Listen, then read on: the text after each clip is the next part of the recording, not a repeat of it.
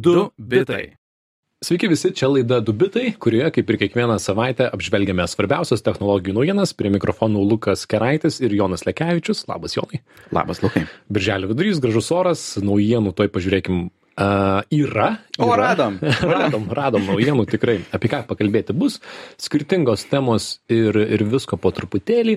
Uh, pradėti šią savaitę aš norėčiau nuo to, kad pasirodė tokia nauja programa, naujas įrankis pavadinimu Gen 2 kaip greitai mes čia iššokom į visas temas, ar ne? Žodžiu, be didelių fanfarų Google remiamas startuolis pavadinimu Runway pristatė Gen 2. Tai yra pirmąjį, kiek man žinoma, viešą text to video kūrimo įrankį. Jau gerą pusmetį žavėmės text to image įrankiais, e, kurių, prie kurių Runway prisidėjo, tai yra Stable Diffusion, bet dabar atėjo laikas video. Tai yra kaip tai atrodo realybėje. Atsidarai tą programą, kuri dabar išėjo prieš 3 dienas 5, matai tokį langelį, kurį gali įrašyti tekstą. Taip, ir ir Stable Diffusion, ir Taip. Midjourney, ir visose kitose, kur tiesiog apibūdini, ko nori. Taip, tiesiog įrašai tekstą ir tau yra sugeneruojamas video. Tai pavyzdžiui, aš padariau, kad įrašiau du vaikinai, radio laidų vedėjai, kalbasi radio studijoje su knygo lentynomis už nugaros, aukštos kokybės video, objektai sufokusuoti, kinematografiška tokie tam tikri raktažodžiai, kurie padaro tą video geresniu. Ir tuomet reikia palaukti maždaug kokią 10, 12, 20 sekundžių, sugeneruojamas 4 sekundžių video, tai yra toks limitas šią akimirką. Ir tas video netrodo labai gerai, jis atrodo kaip šiek tiek animuotas, žmonės išplaukia, ten skraido kažkokia galva papildoma. Kas Aš manau, norite- vienas iš tokių labiausiai šitą stilių apibrėžiančių dalykų yra, jog tu gauni tas keturias sekundės, bet jos yra kaip labiau judantis paveiksliukas, juose nieks nenutinka. Ta prasme, tu galėtum pasakyti, jog kažkas šoka į vandenį Mhm. ir tu ne, nematytum, jog pradžioje paveiksliuko yra viena situacija, o gale yra kita, jog tu per tas keturias sekundės kažkas nutiktų. Tu labiau gauni tokį animuotą stop kadrą, labiau negu kažkokį pokytį. Taip, ir na, sunku jį išgauti labai kokybišką. Kas nori išbandyti, tai nėra brangu, nėra sudėtinga. E, Viena e, sekundė kainuoja 5 centus, tad vienas 4 sekundžių video gaunasi 20 centų, tikrai nelabai brangu. Kokybė kol kas nelabai yra gera. E, Na, su mokamu planu galima pakelti jau link Full HD, bet ne visai tokios kokybės. Bet vis tiek, aš noriu pasakyti, pagaliau tai yra tas momentas, kurio laukia nuo rudens, kad turime viešą įrankį, kuris leidžia su tekstu sugeneruoti video. Viskas, ką reikia padaryti, tai pasakyti, ko noriu. Aš noriu tokio vaizdo, aš noriu anokio vaizdo ir tu gauni video. Ir turint omenyje, kaip buvo su paveikslėlių kūrimu, ar ne, apie kurį mes kalbame jau bent jau pusę metų, tai, na, žinome, kur link tai nueis po pusės metų, po metų ar kitų. Taip, aš, bet aš manau, šiaip bus sus, tikrai susidurta su iššūkiais, nes paveikslėliai, um, jau galima sakyti, Midjourney, ypač penkta versija tikrai yra labai tą optimizavusi, beje, yra net brangesnė negu šitas Midjourney Gen 2. Um, tačiau su paveikslėliais irgi yra toj situacijoj, kur tu negali labai paprastai sukomponuoti sudėtingesnių scenų. Tu negali pasakyti, čia yra raudonas kamuolys ant mėlyno kubo, nes, na, tu tai gal gausi visus dalykus krūvoje, nežinai, kaip jie bus išdėlioti. Ir kaip manau, tai išsiplės į video, bus labai sunku išduoti scenarijų. Kas Mhm. norėtum, jog nutiktų, kas yra pradžioje, kas viduryje, kas eigo, pabaigoje. Ir kaip sugebėti tą tokį testinį kontekstą išlaikyti, manau, bus labai sudėtinga. Ir dirbtinio intelekto modeliams yra sunku tai padaryti, dėl to e, dabar ir turime tas keturias sekundės, nes reikia įsivaizduoti, kad tas dirbtinis intelektas negali nuoseklumo palaikyti iš vieno kadro į kitą. Tai kadrai yra labai trumpi ir labai sunku suprasti, kaip padaryti gerą vadinamą įpromtą, gerą užklausą, nelabai yra gairių. Aš įvairiais bandžiau žaistis, jeigu kažkam įdomu, technologijų naujienos Facebook'o grupėje yra keli pabandymai mano pasižaisti su šitą programą pamėginti, bet nėra paaiškinimų, kaip reikia rašyti tą tekstą. Suprastų. burtažodžiai, reikia atrasti tuos. Taip, pats Runway sako, įrašykite žodį masterpiece. Ir Šedevras. tada- Šedevras. Ir tuomet pagerės kokybė. Taip. Kas yra juokinga visai. Bet tuo pačiu tik pasižaidęs su tuo suprantu, kad e, promptinimas um, tai yra tikrai nauja profesija, kad tai yra, Mhm. wow, tu gali tai gilintis ir prie to sėdėti tikrai reikia laiko. Šiaip ar taip, kūrybiškumui vietos labai daug, kur tai bus po kelių metų, ar bus galima turint savo scenarijų arba rašant knygą, įdėti į, tokią, į tokį projektą ar ne ir sakyti, na, parodyk, kaip mano knyga atrodytų, jeigu būtų filmas. Ir tu gauni valandos ilgio filmą. Animacinį, galbūt ne, neįdėlios kokybės, bet vis tiek. Tad aš sakyčiau, mes esame tokioj labai įdomioj pradžioj kai pagaliau galime kurti video su tekstu bet visa įdomybė laukia tik priešakyje Eksperimentavimo etapas, labai verta išbandyti. kam įdomu tai paeksperimentuokit o antroji mūsų tokia svarbesnė galbūt naujiena tiems kas naudoja reddit e, socialinį tinklą tai tikriausiai būsite girdėję apie tai kad reddite šią akimirką vyksta protestas Na, gal ne, ne, ne šiuo metu, e, pirmadienį ir antradienį. ypač. tebevykstantis tebevykstantis protestas Šiek tiek.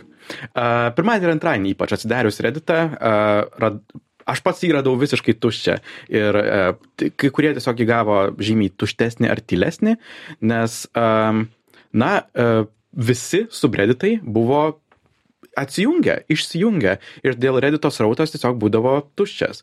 Um, tiem, kam apskritai nėra pažįstama, kas yra Redditas, tai yra lyg toksai skirtingų bendruomenių uh, fo formų platforma, kur tu gali prisijungti prie tam tikrų bendruomenių, pavyzdžiui, Aš sakau Apple, Formulė 1, kriptovaliutas, Stable Diffusion bendruomenės ir tuomet Reddito pradinis puslapis man yra visų šitų bendruomenių įrašų surinkimas į vieną uh, srautą.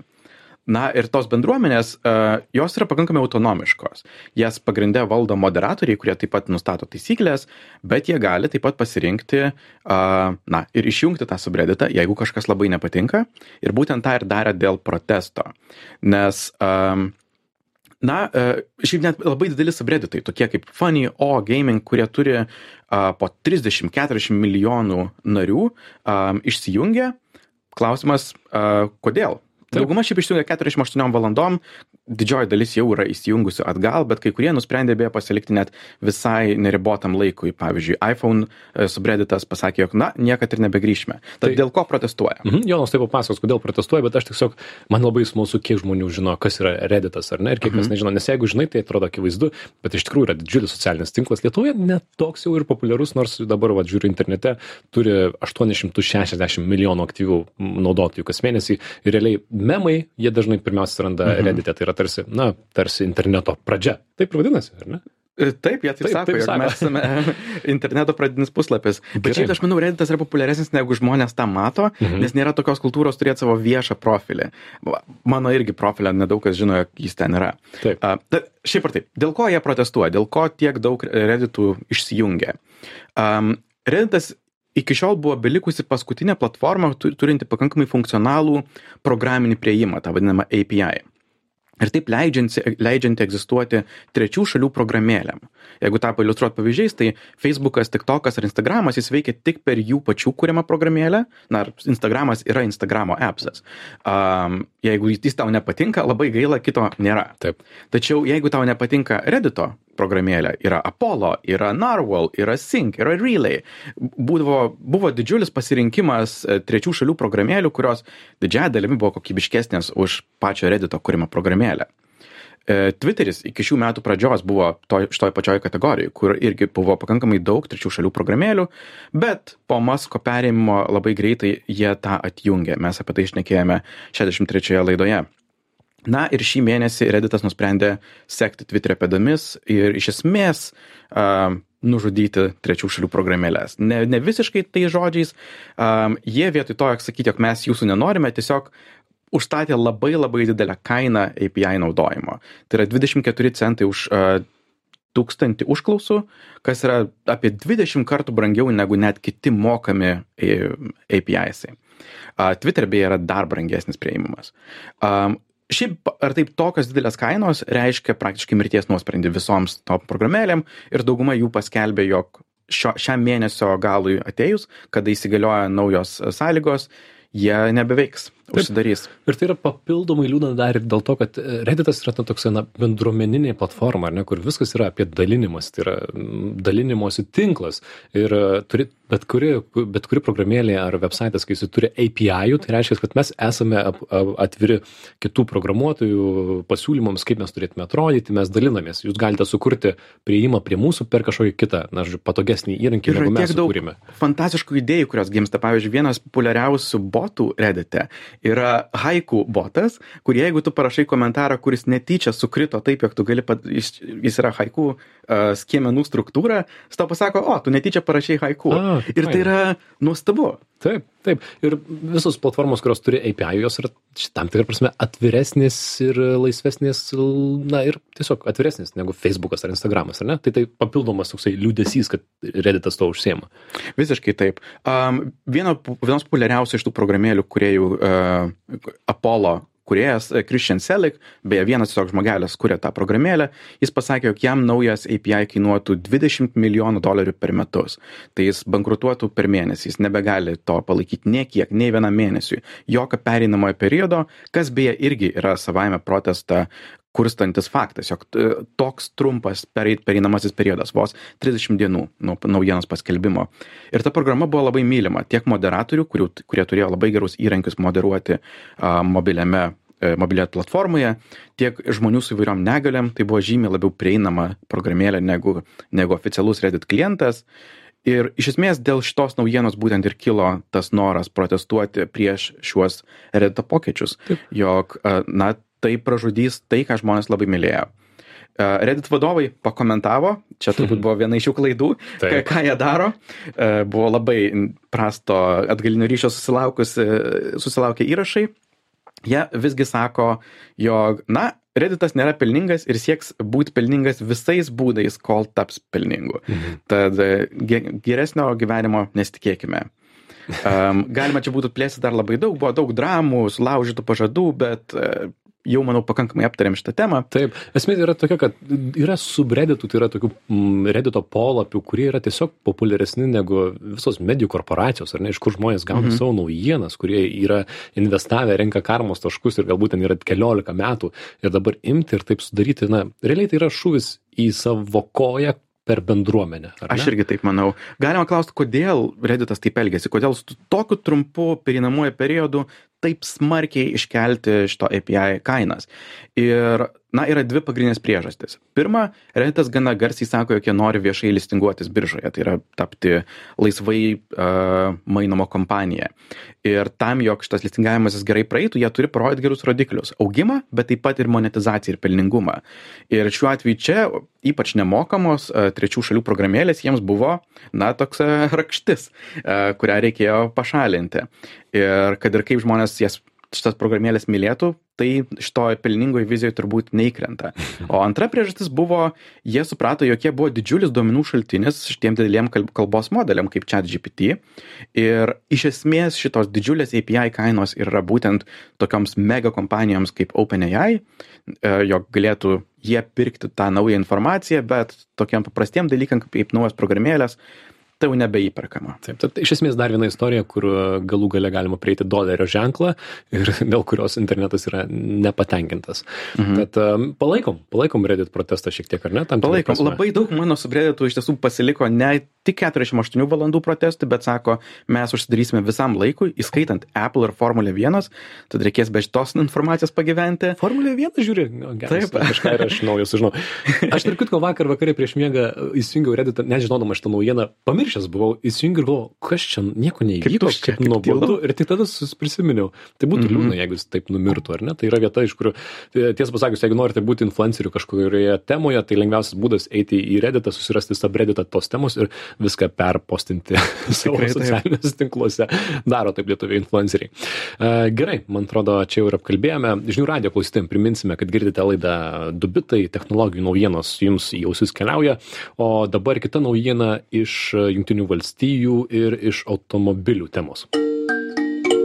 Jeigu kartais klausotės mūsų iš Kalifornijos, tai jau šių metų pabaigoje nenustepkite išvykę automobilį, kurio vairuotojas važiuodama žaidžia Tetri ar kitus žaidimus, e, būdamas už vairo, kadangi Kalifornijos transporto priemonių departamentas leido Mercedes-Benz e, savo valstijoje pardavinėti automobilius su Drive Pilot automatizuota vairavimo sistema ir patys Mercedes giriasi, kad tai yra pirmoji trečio lygio autonomiškumo sistema viešuose keliuose.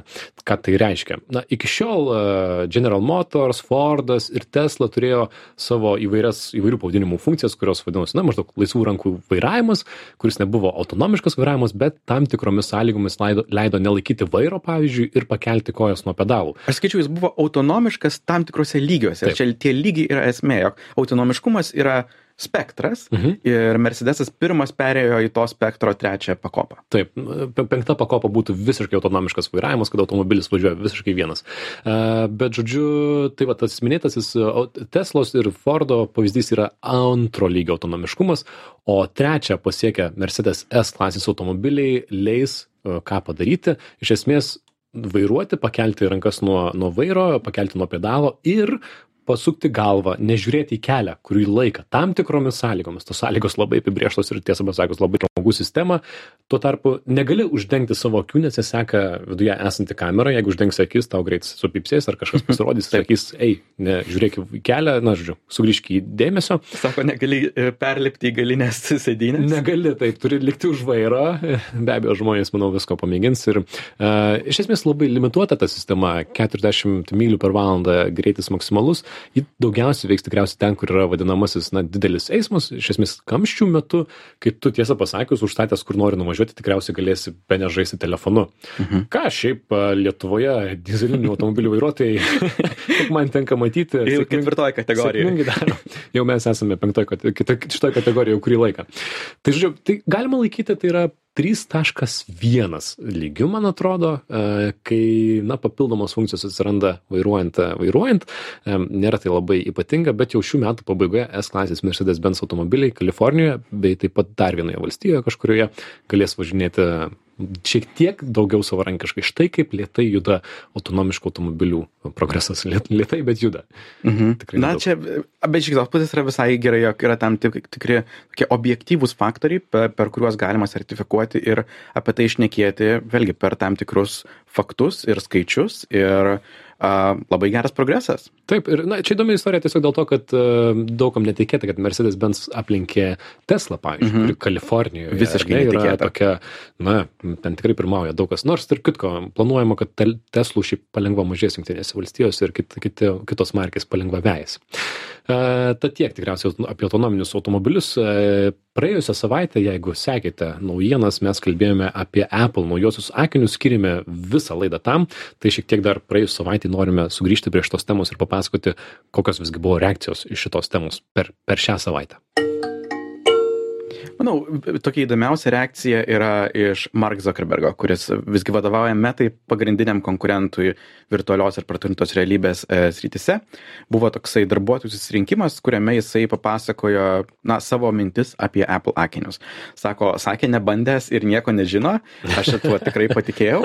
Um, na ir keletas citatų iš šio pasakymo. Pirmiausia, uh, mini, jog jie neturi jokių stebuklingų sprendimų susijusių su kokiais nors fizikos dėsniais ir fiziniais apribojimais, kurių mūsų komandos dar nėra išbandžiusios ar ištyrusios. Kitaip tariant, nenustebinot. Um, jie sako, jog jų ekranas yra tikrai kokybiškesnis, bet ir kaina septynis kartus didesnė už mūsų Quest akinių, kas yra visiškas faktas nepaneigiamas. Um, na ir taip pat sako, čia turbūt gal įdomiausia mintis, jog jų pristatymas parodo, kaip smarkiai skiriasi bendrovių vertybės ir vizijos, ku- kurios jo manimu yra labai svarbios. Sako, mes dėgiame naujovę siekdami užtikrinti, kad mūsų produktai būtų kuo labiau prieinami ir perkami visiems ir tai yra pagrindinė mūsų veiklos dalis. Ir mūsų vizija yra fundamentaliai sociali. Apple visos demonstracijos rodo vieną žmogų ant sofos savo namuose. Mhm. Ir kaip tą apibendrinamas pats pas pasakė, jog tai gali būti kompiuterijos ateities vizija, bet aš jos nenoriu.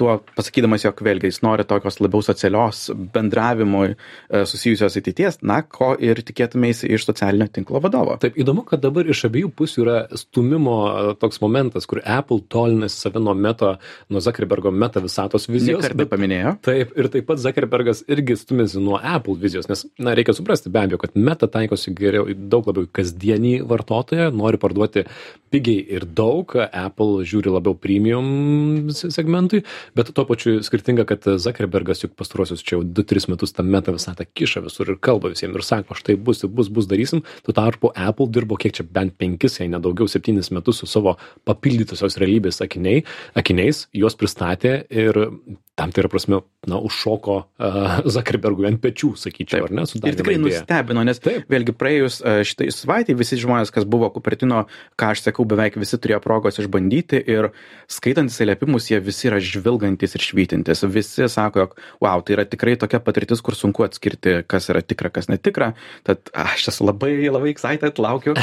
Um, na ir e, taip pat dar neišėjo vision pro bet jau yra gandai apie būsimą ne pro akinius būsimus. Um, Apple pranašas pats tiksliausias iki šiol Mark Gurman, kuris daugiausiai tiksliai pataikė ir apie Vision Pro, jau sako, kas bus toliau jog šitie ne pro akiniai, o tiesiog Apple Vision turėtų išeiti iki 25 metų galo. Tad greitai labai nebus, bet netaip jau ir už kalnų. Um, sako, jog galbūt pataupys ant integruotų garsiakalbių, mažiau kamerų, žemesnės rezoliucijos ekrano, bet kas mane labai nustebino, nenori taupyti ant to ekranėlio, kuris yra išorėje, uh, kuris rodo žmogaus, kuris yra viduje akinių uh, akis. Um, tas yra tikrai labai įdomu. Jis taip pat spėjo, jog jie galbūt staupys šitais apkarpimais kelis šimtus dolerių. Ir aš tada išduočiau, užduočiau klausimą, tarkim, jog sutaupo 1000 dolerių ir Vision ne Pro yra 2500 dolerių. Ar tai kažką keičia, mm. kai Quest yra 500? Taip, man atrodo, kad vis tik jie, jie taikosi turbūt kokių penkerių metų laikotarpį, kai tai taptų prieinama ir galbūt turėtų progą tai tapti tie akiniai kažkuo panašiu į fauną, o ne dabar super brangiu įdomiu, įdomiais akiniais, e, kurie tik tai išrinktiesiems ar ne, arba tiems, kas labai domisi. Man visgi labai įdomu, ar, ar Apple turi šansą nužudyti meta visatos viziją su Zuckerbergu, nes jam jinai nesiseka, virtualiai realybė jinai jo neprastumiama. Įdomu, jeigu jie iš tikrųjų dar kelis metus uh, užtriks, Apple galbūt peršoks ir sakys, mes papildysios realybės sakiniai, kuriais naudokitės vietoje visų tų pažadų, kuriuos jums davė mhm. Zuckerbergas. Na, jeigu jie toliau taip sėkmingai tolins uh, savo vizijas, uh, jeigu Apple tikrai eis į produktivumą ir kokybę, o meta kaip tik galbūt optimizuos, kaip pasiekti 400 dolerių, kaip pasiekti 300 dolerių. Tai manau, tos vizijos dar labai ilgai gali nesusikirsti. Nes jeigu tu norėsi fitneso, tu tikrai nenorėsi stiklinio prietaiso, kur tu gali, ups, sudaužiau ekranėlį, dabar 1000 dolerių. Um, Bet ta... tuo pačiu, aš, kurio akis yra jautrios ekranams, aš šiaip ir taip norėčiau naudoti kasdieną ar darbui, ar bendravimui aktualios, hmm. tad aš šiek tiek esu šitoje pusėje. Um. Taip, labai įdomu, visgi tai tikrai skirtingos vizijos ir um, jos ateinantis ke keli metai bus tokie netiesioginės konkurencijos, bet vizijos, kaip mes įsivaizduojam apskritai šitą technologijos ateitį, idėjinė net labiau kova. Taip, tad jeigu įdomu apie Apple akinius daugiau sužinoti, praėjusios savaitės laidą paklausykite, visą ją skiriame jiems, tikimės, kad būsim pirmieji, kurie išbandysim, kai jau tai bus galima nusipirkti, ar ne? Taip. Galbūt metų pabaigoje, kitų metų pradžioje, sausio pirmą dieną, užsidėsim, tikėkime. Ir lieka laiko vienai naujienai iš muzikinio ir žvaigždžių pasaulio. Jonas turi minutę pusantros, papasakos apie naują būsimą John Lennono ir Bitlų dainą naują John Lennono dainą. Iš tiesų, seras Paulas Makartinas sako, jog su dirbtinio intelekto pagalba išleis paskutinę Beatle dainą su John Lennono dainavimu. Um, tai yra daina ištraukta iš kasetės pavadinimu Polui, kurią 80 metais po Lennono mirties perdavė našlė Joko Ono. Ir daina buvo tokiame demo lygyje, tai tikrai nežiauriai kokybiškai, bet pernai išėjo tokia gera Peter Jacksono dokumentinių filmų serija Get Back. Mhm. Ir tenai sukūrė technologiją, kuri leido ištraukti iš įrašo pavienius balsus ir instrumentus. Ir būtent šitą dirbtinio intelekto technologiją panaudos ištraukti John Lennono balsą iš tos nelabai kokybiškos kasetės. Ir tada profesionaliai sumontuoti ir išleisti paskutinę bitlų dainą. Mhm. Tad tokia nauja Taip, sulauksime dar vienos e, bitlų dainos. Man įdomu, ką galvoja šią akimirką bitlų gerbėjai. Aš ir vienas iš jų. Uh, smalsu, smalsu ar ne, bet to pačiu galvoju, jeigu padarys prastai, tai gal geriau iš vis nedarytų. Mm -hmm. ne? Ir aš atsimenu šitą temą jau prieš dešimt metų buvo kalbėta ir jinai tampa vis aktualesnė, kad atlikėjai perdodami savo teises, jie turi daugybę reikalų, reikia pasirašyti sutartis ir panašiai, bet vis daugiau atlikėjų reikia galvoti, kaip jų darbai, jų balsai, jų muzika bus panaudota po, po mirties. Nes manau, kad dalis atlikėjų, muzikantų, muzikantų sakytų, žinot, aš, aš numirsiu ir nenaudokite mano balso reklamoms, naujoms dainoms, ką, ką kartais išnaudoja tikrai dabar šią akimirką muzikos. Aš tiesiog džiaugiuosi, jog tai nėra dirbtinio intelekto simuliuotas balsas, o tiesiog naudojama ištraukti tikrą balsą. Bent jau tas yra gerai. Taip, tad jeigu išvysite kažkur sraute naują bitlų dainą ateinančiam savaitėm ar mėnesiais, tai paklausykite, ji sukurta su dirbtiniu intelektu. Ir šiandien greičiausiai tiek. Taip. Kitą savaitę bus mūsų paskutinioji laida prieš vasaros atostogas taip du bitai taip pat atostogauja. E, tai tai technologijų naujienų grupėje feisbuke užduosime jums kelis klausimus galbūt mum kažką reikėtų aptarti prieš einant atostogų galbūt norite mūsų kažko paklausti. Tai technologijų naujienos feisbuke grupėje nueikite parašysime ir paklausime jūsų. Čia buvo laida du bitai aptarėme svarbiausias technologijų naujienas du bitai taškas kom visi šaltiniai e, žinių radijas taškas lt visos laidų įrašai taip pat ir spotifajuje o čia buvo lukas keraitis jonas lekevičius ir sakom iki kitos savaitės. Iki. Iki. Du bitai.